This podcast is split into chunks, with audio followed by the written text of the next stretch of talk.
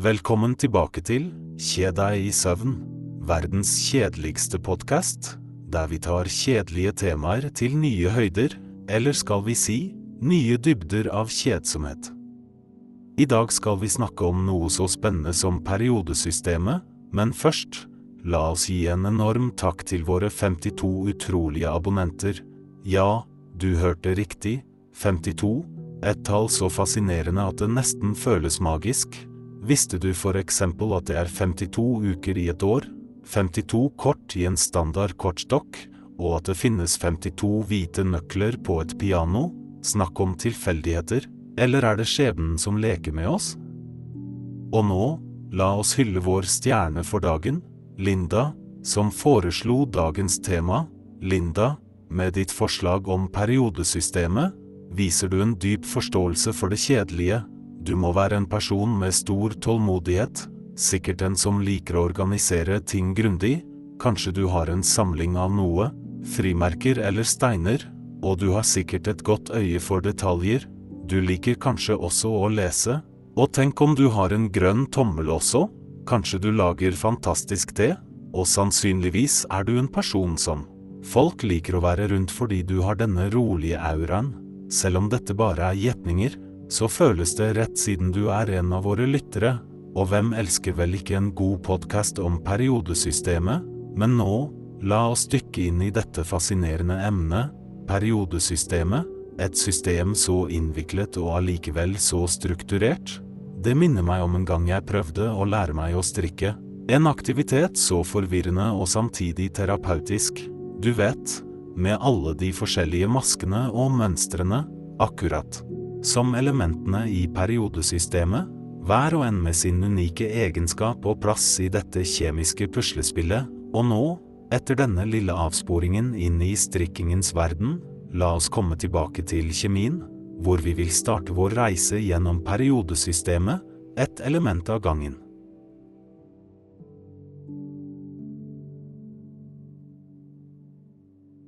Så, hydrogen, dette ydmyke elementet som faktisk er det mest tallrike i universet, tenk på det, hvert stjernelys du ser, hver solstråle som varmer ansiktet ditt, inneholder hydrogen, det er virkelig overalt, og ikke bare i stjernene, men også her på jorden, i det helt vanlige vannet vi drikker, og snakker om vann. Visste du at uten hydrogen ville vi ikke hatt vann?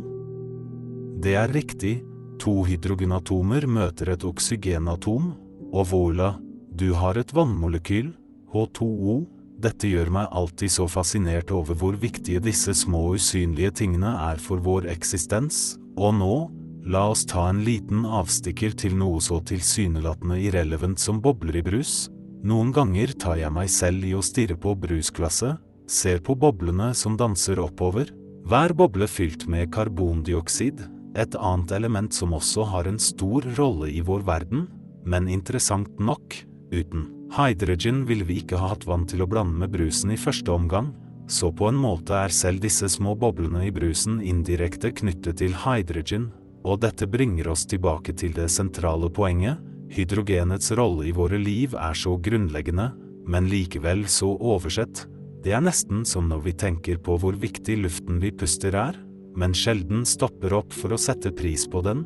Og nå, mens vi reflekterer over dette enkle, men likevel så kraftfulle elementet, la oss forberede oss på å dykke dypere inn i periodesystemets fascinerende verden hvor hvert element har sin egen unike historie og betydning, akkurat som hydrogen.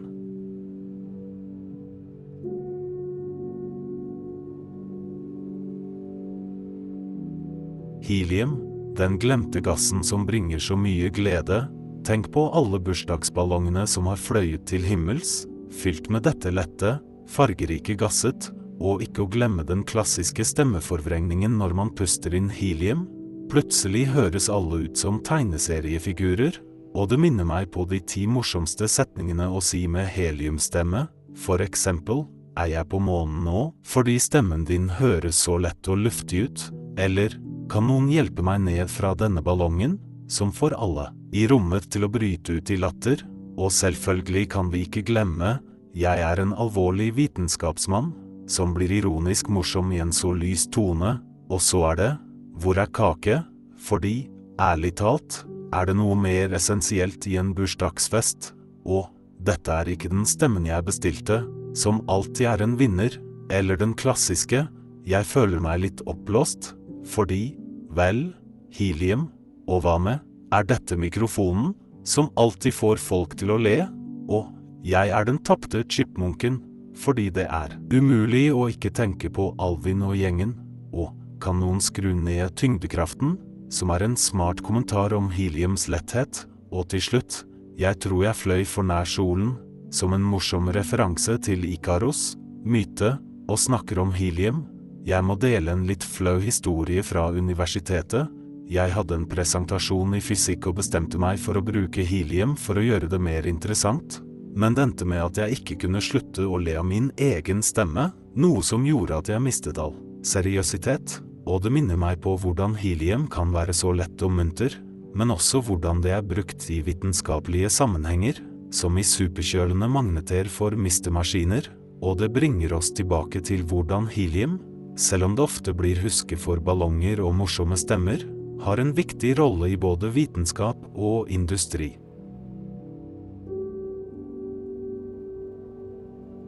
Litium, dette fascinerende elementet som har revolusjonert måten vi lagrer energi på i våre batterier, det er nesten magisk å tenke på hvordan et så enkelt stoff kan holde så mye kraft. Og visste du at litium faktisk kommer fra stjernene? Det er et produkt av stellarnukleosyntese, en prosess som foregår i stjerner, og det ble først oppdaget i 1817 av Johan August Arfvedsson, en svensk kjemiker. Han fant det mens han analyserte petalittmineral, men det tok århundrer før vi virkelig forsto hvordan vi kunne bruke litium på en effektiv måte, spesielt i batterier, og det får meg til å tenke på hvordan oppfinnelsen av mobiltelefonen, en annen viktig milepæl i moderne teknologi, transformerte kommunikasjonen vår, det er nesten som en parallell til hvordan litium har endret energilagring. Mobiltelefoner begynte som store, uhåndterlige enheter og har nå blitt til disse slanke, kraftige maskinene som kan gjøre så mye mer enn bare å ringe, og det ville ikke vært mulig uten litium-ion-batterier som gir lang levetid og høy energitetthet, og når vi snakker om energi, er det interessant å reflektere over filosofien bak elektrisitet. Denne usynlige kraften som driver så mye av vår moderne verden, det er nesten som en usynlig hånd, som rører ved alt vi gjør, fra å lyse opp våre hjem til å drive de bærbare enhetene vi stoler så mye på, og i hjertet av det hele, er det litium som stille og rolig lagrer og frigjør denne energien, akkurat som et dypt pust som holder oss gående gjennom dagen, og dette bringer oss tilbake til hvor utrolig litium egentlig er, ikke bare et element i periodesystemet, men en viktig brikke i puslespillet som er vår moderne eksistens.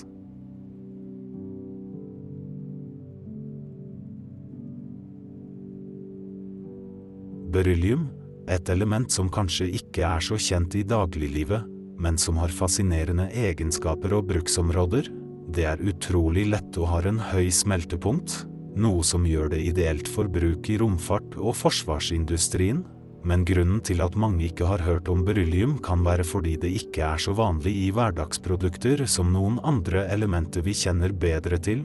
Men tenk på potensialet. For eksempel, i mobiltelefoner og datamaskiner hvor lettvektige og varmebestandige materialer er så viktige, og dette leder meg til en interessant avsporing om speil. Speil har blitt brukt gjennom historien ikke bare for å se våre egne refleksjoner, men også i myter og fortellinger.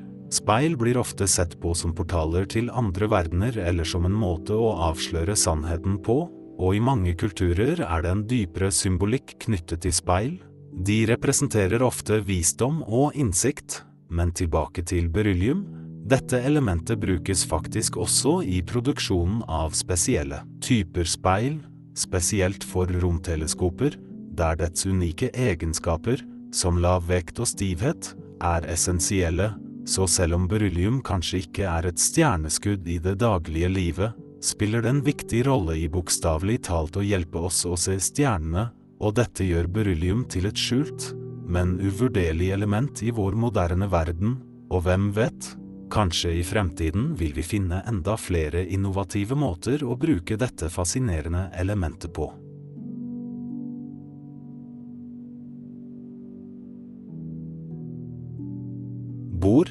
Et element som starter med de samme bokstavene som boring, noe som gjør det ekstra passende for denne podkasten, ikke sant? Dets kjemiske egenskaper er interessante på en nerdete måte, men før vi dykker inn i det, la oss snakke om hvor kjedelig bor egentlig kan være. For eksempel, du kan si at en kjemiker med en forkjærlighet for bor kanskje har en boring, personlighet, eller at når kjemilæreren snakker om bor, begynner klassen å bore, og hvis du noen gang har sett bor i et laboratorium, er det sannsynligvis det mest boring elementet der, og det er ikke bare i kjemi at bord kan være kjedelig, tenk på hagearbeid. Der bor faktisk spiller en viktig rolle i gjødsel.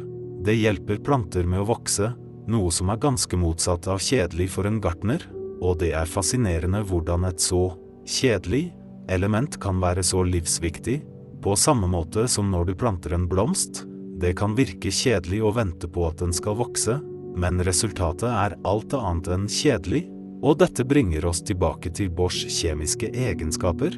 Det er et essensielt næringsstoff for planter, og uten det ville mange av våre avlinger ikke vokse så godt, så selv om bord kan virke kjedelig ved første øyekast, er det faktisk ganske spennende når du ser på det store bildet, og det er et perfekt eksempel på hvordan noe tilsynelatende kjedelig kan ha en så viktig rolle i vår verden, akkurat som denne podkasten, som tar kjedelige temaer og finner den fascinerende kjernen i dem.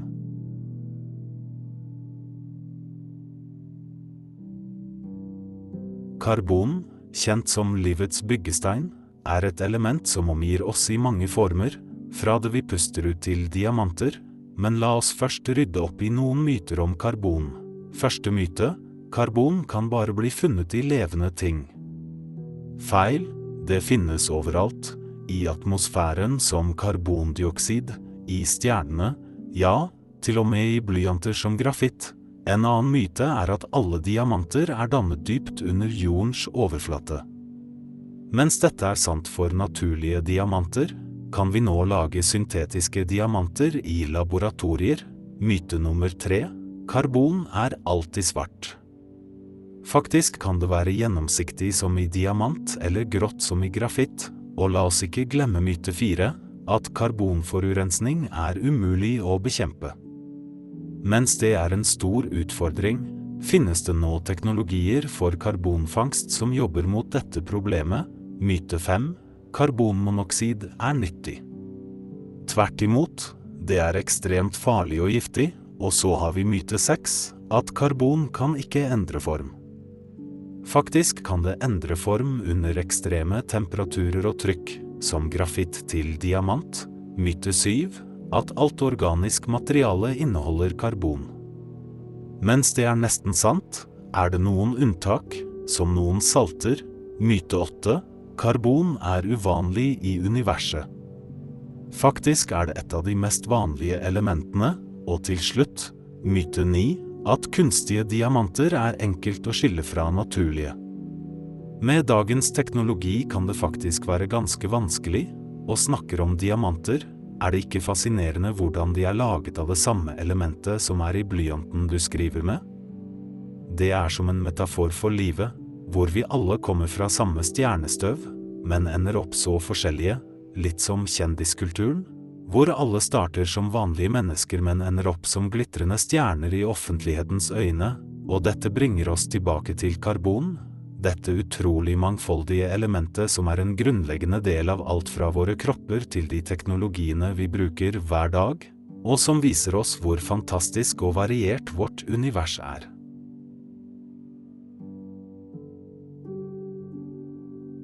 Nitrogen, et element som utgjør rundt 78% av jordens atmosfære, er essensielt, men ofte oversett, og her er 15 morsomme fakta om det. For det første, nitrogen er fargeløst, luktfritt og smakløst. Det føles som om det er overalt, men du merker det knapt. For det andre, det er det syvende elementet i periodesystemet. For det tredje, Til tross for at det er så rikelig i atmosfæren, kan de fleste planter ikke bruke det direkte fra luften. For det fjerde, det er en nøkkelkomponent i aminosyrer. Byggesteinene til proteiner. For det femte, nitrogenforbindelser finnes i alle levende organismer, fra de minste bakterier til de største dyrene. For det sjette, nitrogen er en kritisk komponent i DNA, som bærer våre genetiske instruksjoner. For det syvende, det er brukt i produksjonen av gjødsel, som er vitalt for moderne landbruk. For det åttende, det er brukt i produksjonen av eksplosiver, fra krutt til TNT.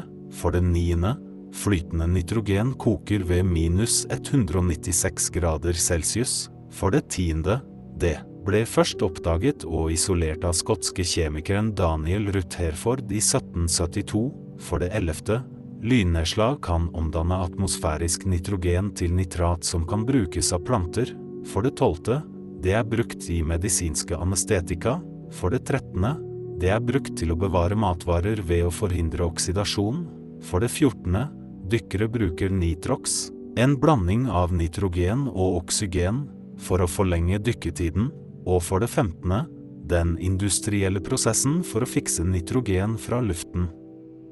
Haberbosch-prosessen var en revolusjonerende oppfinnelse i tidlig 1900-tallet, og mens vi snakker om nitrogen, kan vi ikke unngå å tenke på natten, et tidspunkt fylt med mysterier og skjønnhet, når nitrogen og andre gasser i atmosfæren kombinerer med lys for å skape stjernehimmelen vi ser over oss, det er en påminnelse om at selv det vi ikke kan se, som nitrogen, spiller en rolle i det vakre skuespillet av naturen, og dette bringer oss tilbake til hvordan nitrogen, selv i sin usynlige form, er et fundamentalt element som påvirker alt fra våre fysiske kropper til den luften vi puster, og hvordan det binder sammen den fysiske og metaforiske verden vi lever i.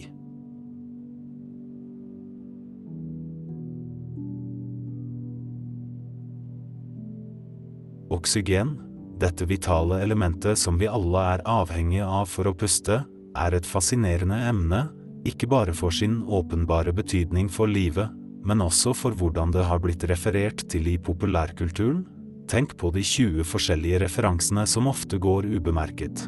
For det første, i sangen Brit av Pink Floyd, hvor oksygen blir en metafor for liv og frihet. For det andre, i filmen Avatar, hvor oksygenrik luft er livsnødvendig på en fremmed planet. For det tredje, i TV-serien Breaking Bad, hvor oksygenets kjemiske symbol, O, spiller en nøkkelrolle i mange kjemiske formler. For det fjerde, i boken Oxygen, The Molecule That Made the World av Nick Lane, som utforsker oksygenets rolle i jordens historie. For det femte, i filmen The Martian, hvor en astronaut må produsere oksygen for å overleve på Mars. For det sjette, i sangen 'Oksygen' av Willy Mason, som bruker oksygen som et bilde på nødvendigheten av kjærlighet. For det syvende, i videospillet Subnautica, hvor spilleren må overvåke sitt oksygennivå for å overleve under vann. For det åttende, i den populære boken The Diving Bell and the Butterfly, hvor hovedpersonens avhengighet av en respirator for å puste blir et sentralt tema. For det niende, i TV-showet Greyes Anatomy, hvor oksygenmasker og ventilatorer er en konstant del av sykehuslivet. For det tiende, i filmen Gravity, hvor Sandra Bullockes karakter sliter med en kritisk mangel på oksygen i verdensrommet, for det ellevte, i sangen Oksygen. Av Maya Mitchell, som bruker oksygen som en metafor for å finne sin plass i verden, for det tolvte, i romanen Oryxan Kreik av Margaret Atwood, hvor genmanipulerte skapninger er designet for å overleve i et miljø med lavt oksygen, for det trettende, i filmen Apollo 13, hvor et av de store problemene var å bevare nok oksygen for astronautene, for det 14. i TV-showet Fire fly, hvor oksygen blir en verdifull ressurs i det ytre rom, for det 15. i sangen Airbag av Radiohead, som handler om å bli reddet av en teknologi som sannsynligvis bruker oksygen, for det 16. i boken When Brett Becomes Air av Paul Kalaniti, som reflekterer over livet og dets betydning når man står overfor døden, for det 17. i videospillet Norgemannes sky, hvor oksygen er en viktig ressurs for utforsking av verdensrommet, for det 18. i filmen Passengers, hvor to personer er strandet på et romskip med begrenset oksygen, for det 19. i den populære sangen Oksygen av Jesse J, som bruker oksygen som en analogi for en livsnødvendig forbindelse, og for det 20. i filmen Ad Astra, hvor oksygen blir en kritisk faktor i en reise gjennom solsystemet, og disse referansene viser hvordan oksygen, et element vi ofte tar for gitt, har en dyp betydning i våre liv, kulturelt, biologisk og metaforisk, og snakker om pusting, la oss ta en liten digresjon til ulike pusteøvelser, som yogaens pranayama, som lærer oss å kontrollere vår pust, noe som kan være utrolig beroligende. Og hjelpsomt i stressende situasjoner, og det minner oss om at selv om vi ikke alltid tenker over det, er måten vi puster på, med hvert innånding av oksygen og utånding av karbondioksid, en konstant påminnelse om livets syklus, og dette leder oss til en fantasifull historie om en fiktiv oksygenbar, hvor folk kommer for å puste inn renset oksygen for forbedret energi og velvære. Selv om det høres litt langt ut, er det en interessant tanke om hvordan vi verdsetter og bruker oksygen i vårt daglige liv, og dette bringer oss tilbake til oksygenets essensielle natur, et element som er så kritisk for livet og likevel så lett å overse i hverdagen.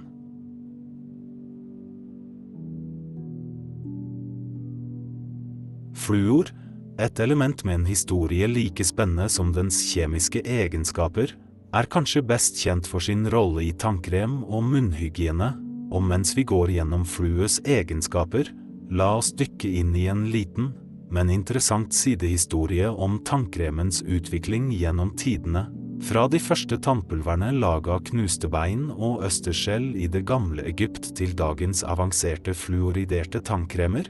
Det er fascinerende å tenke på hvordan våre forfedre tok vare på sine tenner uten moderne bekvemmeligheter, og dette bringer oss til en refleksjon over munnhygiene, hvordan det ikke bare handler om å holde tennene rene, men også om et ritual som kan være meditativt.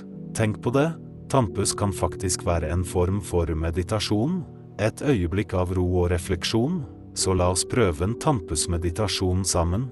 Forestill deg at du tar tannbørsten din, ser på den og takker den for dens tjeneste, kjenn vekten av den i hånden din, legg merke til teksturen av børstehodet, og når du påfører tannkremen, observer fluoridens glatte, skinnende hvithet, mens du pusser, legg merke til hver bevegelse, hver sirkulær rotasjon mot tennene og tannkjøttet, føl hvordan børstein massegjør tannkjøttet, renser bort resten av dagen, og mens du skyller, forestill deg at du ikke bare renser munnen, men også vasker bort stress og bekymringer, dette øyeblikket, dedisert til deg selv og din velvære, er en perfekt påminnelse om hvordan selv de mest hverdagslige aktivitetene kan transformeres til noe meningsfullt og beroligende, og mens vi reflekterer over dette, kommer vi tilbake til fluor, et element som har en langt mer interessant og betydningsfull rolle i våre liv enn vi kanskje først antok,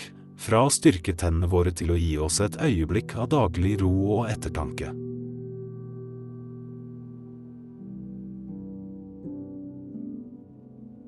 Neon, dette strålende, fargerike elementet som lyser opp byenes natteliv med sine levende skilt, er virkelig et symbol på det moderne urbane landskapet. Tenk på de blendende neonskiltene i Tokyo, Las Vegas eller New York. De er mer enn bare reklame. De er kunstverk som fanger oppmerksomheten og fantasien, men mens vi beundrer neonets skjønnhet, kan vi ikke unngå å reflektere over lysforurensning, et økende problem i våre moderne samfunn, hvor nattehimmelen blir stadig mer skjult av kunstig lys. Og dette bringer oss til en dypere filosofisk tanke om lys og mørke. Lys representerer kunnskap, opplysning og klarhet, mens mørke ofte symboliserer det ukjente, det skjulte, eller til og med frykten for det uoppdagede, men uten mørke kan vi ikke virkelig verdi å sette pris på lyset, på samme måte som neonskiltene ikke vil være like slående uten nattens mørke som bakgrunn. Dette samspillet mellom lys og mørke, synlighet og usynlighet, er et sentralt tema i våre liv, og det reflekterer den kontinuerlige balansen mellom ulike krefter og ideer, så når vi ser på neonets glødende farger, kan vi tenke på det som mer enn bare en lyskilde, det er en påminnelse om livets dualitet, av kontrastene som former vår oppfatning og vår erfaring, og med dette i tankene, kan vi se på neonskiltene med en ny forståelse, ikke bare som fengende reklame eller som en kilde til lysforurensning, men som symboler på hvordan lys og mørke sameksisterer, hver med sin egen skjønnhet og betydning, og det er dette som gjør neon, og faktisk alt lys, så fascinerende og viktig i våre liv.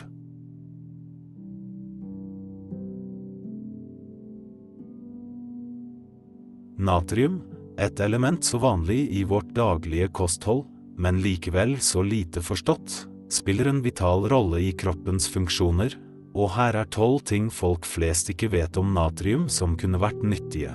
For det første, selv om vi ofte tenker på natrium i form av bordsalt, finnes det faktisk i mange andre matvarer, både bearbeidet og naturlig. For det andre, Natrium er avgjørende for nervefunksjon og muskelsammentrekninger. For det tredje, for mye natrium kan føre til høyt blodtrykk, men for lite kan også være skadelig.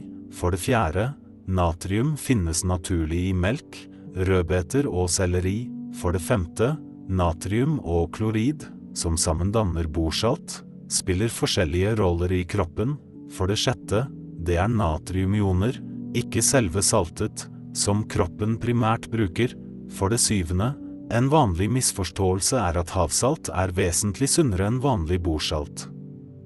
De er ganske like ernæringsmessig. For det åttende, natrium påvirker kroppens væskebalanse. For det niende, antikken og middelalderens samfunn verdsatte salt høyt, noen ganger til og med som betalingsmiddel. For det tiende, saltveier var viktige handelsruter i middelalderen, og i enkelte tilfeller førte de til økonomiske og politiske konflikter. For det ellevte, et høyt saltinntak kan påvirke kalsiumabsorpsjonen i kroppen. Og for det tolvte, natrium blir brukt i mange industrielle prosesser, utover matlaging, som i produksjonen av papir og tekstiler. Og mens vi snakker om natrium, kan vi ikke unngå å reflektere over saltets historiske betydning.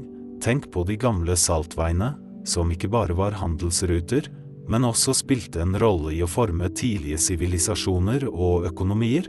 Dette viser oss hvordan noe så hverdagslig som salt, og dermed natrium, har hatt en dyptgående innflytelse på menneskets historie, kultur og utvikling, og dette perspektivet lar oss se natrium i et helt nytt lys, ikke bare som et ernæringselement, men som en kraftig del av vår kollektive historie og arv.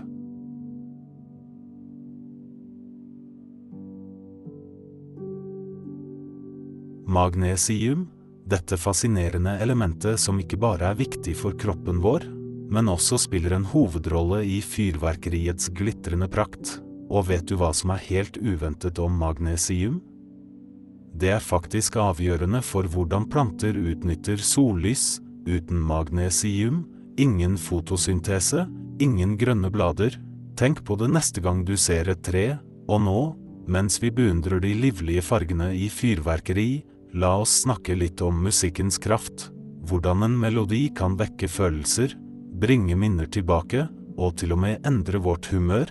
Musikk har denne utrolige evnen til å berøre sjelen, akkurat som et fargerikt fyrverkeri kan fange våre øyne og hjerter. Og dette bringer meg til en merkelig, men fascinerende sammenligning.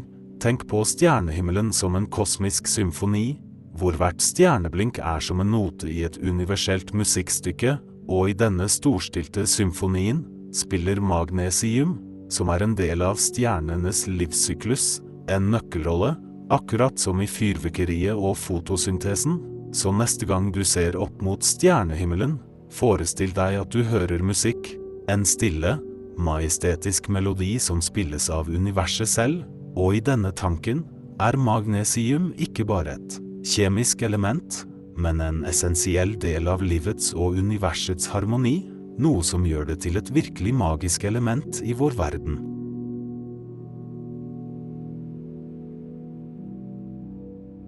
Aluminium, dette lette, men sterke metallet, har revolusjonert flyindustrien med sin evne til å gjøre fly både sterkere og lettere, og mens vi utforsker denne fascinerende bruken, kan vi ikke unngå å nevne noen av de mer bisarre konspirasjonsteoriene som omgir aluminium, spesielt ideen om at aluminiumsfolie kan beskytte mot alt fra romvesener til elektromagnetisk stråling. Selv om det er lite vitenskapelig bevis for disse teoriene, har de likevel blitt en del av populærkulturen, og dette fører oss til seks populærkulturelle referanser til aluminium. For det første, den klassiske foliehatten, som symbol på konspirasjonsteoretikere i filmer og TV-serier.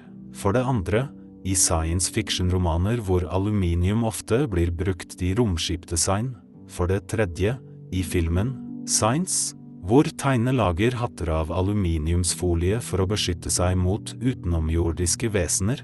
For det fjerde, i TV-serien Better Call Saul, hvor en karakter bruker aluminiumsfolie for å skjerme seg fra elektromagnetiske felt. For det femte, i tegneserier og bøker hvor superhelter bruker aluminiumsbaserte rustninger eller våpen. Og for det sjette, i The Simpsons, hvor en episode spøker med ideen om at aluminiumsfolie kan beskytte mot hjernestyring, og snakker om flyging. Dette bringer oss til myten om Ikaros, som dristig fløy for nær solen med vinger av fjær og voks. En fortelling som reflekterer menneskets evige drøm om å fly, og på en måte er aluminiums rolle i flyindustrien en realisering av denne drømmen, en måte vi har overvunnet våre fysiske begrensninger og nådd mot himmelen, og i denne refleksjonen ser vi hvordan aluminium ikke bare er et materiale, men også en del av vår streben etter å utforske, oppdage og kanskje en dag forstå de mer mystiske sidene av vår eksistens.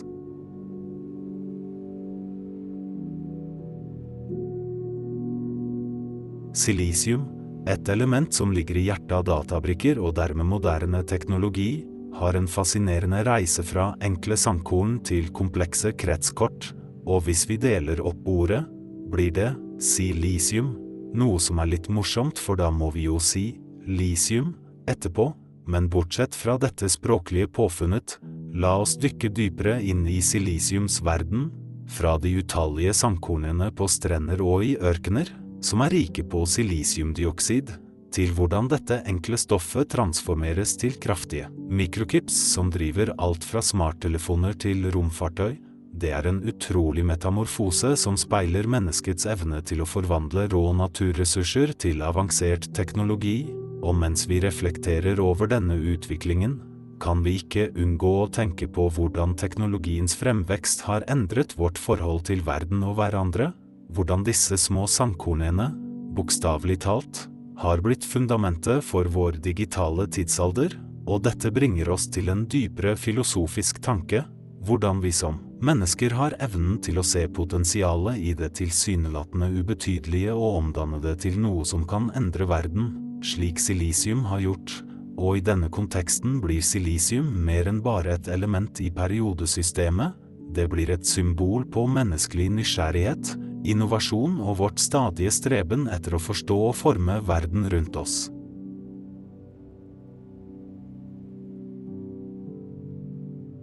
Fosfor, et element som er avgjørende for livet på jorden og har en rekke anvendelser og aspekter, La oss se på ti fordeler og ulemper. Fordeler først. Fosfor er essensielt for DNA og RNA. Det er kritisk for energilagring og frigjøring i kroppen. Det bidrar til sunne tenner og bein. Det forbedrer plantøs vekst og utvikling. Det brukes i produksjonen av sikkerhetsfyrstikker. Det spiller en rolle i produksjonen av stål. Det brukes i rensing av vann. Det finnes i mange husholdningsrengjøringsmidler. Det brukes i produksjonen av kunstgjødsel, og det er viktig for nervesystemets funksjon, men det har også ulemper, som overforbruk kan føre til algeoppblomstring i vannveier, Det er en begrenset ressurs som kan bli utarmet. Overdreven bruk i landbruk kan forårsake jordforurensning. Det kan være giftig i store doser. Produksjonen av fosfor krever store mengder energi. Det kan forårsake hudirritasjon ved direkte kontakt. Det brukes i produksjonen av visse giftige og farlige kjemiske våpen. Forurensning med fosfor kan forårsake økosystemskader, og det er vanskelig å ekstrahere og rense, men nå, la oss ta en avsporing og snakke om ildens historie, hvordan denne kraftige og transformerende oppdagelsen endret menneskets skjebne, fra matlaging til varme og beskyttelse, og dette bringer oss til en bisarr sammenligning med drømmer og forestillinger, hvordan fosfor, som skaper lys og varme, kan sammenlignes med drømmer som lyser opp vår indre verden og varmer våre sjeler med håp og forestillinger, og slik fosfor har vært en katalysator for fysisk utvikling og vekst, kan våre drømmer og forestillinger være katalysatorer for personlig vekst og utvikling, og i denne sammenhengen blir fosfor mer enn et kjemisk element, det blir et symbol på menneskets evige streben etter å forstå og utnytte de krefter som former vårt fysiske og metafysiske miljø. Svovel, dette elementet med en så karakteristisk sterk lukt, har mange fascinerende egenskaper og bruksområder. Det er kjent for sin rolle i vulkanske utbrudd og hvordan det bidrar til vulkaners beryktede vrede, og denne tankegangen om kraftige naturfenomener leder oss til en liste over de elleve mest kjente verdenshendelsene hvor svovel har spilt en rolle. For det første, utbruddet av Krakatoa i 1883, hvor svovelgasser bidro til eksplosive effekter. For det andre, utbruddet av Vesuv i 79 e kroner, som begravde byene Pompeii og Herculanum. For det tredje, den store smogen i London i 1952, for det fjerde, utbruddet av Mount St. Helens i 1980. For det femte, utbruddet av Eyjafjallajökull på Island i 2010, som forstyrret flytrafikk over hele Europa. For det sjette, utbruddet av Tambora i 1815, som forårsaket året uten sommer. For det syvende, utbruddet av Pinatubo på Filippinene i 1991. For det åttende, den svovelrike atmosfæren på planeten Venus. For det niende, utbruddet av El Chichon i Mexico i 1982. For det tiende, Lakikraterets utbrudd på Island i 1783, som førte til en massiv klimaendring. Og for det ellevte, utbruddet av Mont Pelé i 1902, som ødela byen Saint-Pierre på Martinique. Og mens vi tenker på disse dramatiske hendelsene, kan vi også reflektere over naturens krefter og hvordan elementer som svovel kan ha så dramatiske og langvarige effekter på både vår planet og våre liv, og dette bringer oss tilbake til svovel, ikke bare som et element i periodesystemet, men som en vital del av vår planets geologiske og biologiske systemer, et element som både skaper og ødelegger, som en påminnelse om naturens skjøre balanse og kraften i de elementene som former vår verden.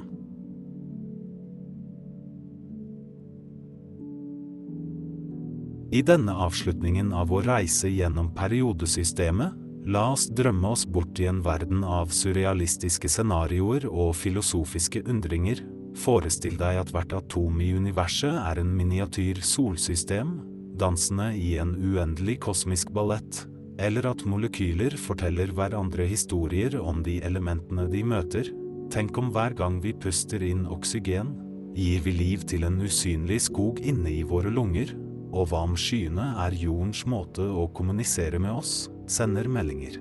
Gjennom deres evige forandring av former, forestill deg at regndråper er naturens tårer av glede, feirer livets kontinuerlige syklus, Tenk om fjellene er egentlig sovende kjemper, voktere av gamle hemmeligheter og historier, og hva om vindens hvisking faktisk er en gammel melodi, en sang som forteller historien om verden? Tenk om hvert sandkorn i ørkenen bærer minnet om et fortidig hav? Et korn av historie i tidens uendelige ørken? Forestill deg at bladene som faller fra trærne hver høst, er trærnes måte å dele sine opplevelser fra året som har gått, Tenk om månens skifte er et symbol på livets konstante forandring og fornyelse, Og hva om stjernene på nattehimmelen er et kart av universets drømmer, ledetråder til de store mysteriene i livet, og mens vi vandrer gjennom disse filosofiske landskapene, husk at kunnskap er som en elv, den er i konstant bevegelse, alltid forandrende, og mens vi søker svar på livets store spørsmål, må vi også lære å nyte mysteriet, for det er i undringen, i drømmene og i de surrealistiske øyeblikkene at vi finner den dypeste skjønnheten og de mest dyptgående innsiktene om verden rundt oss.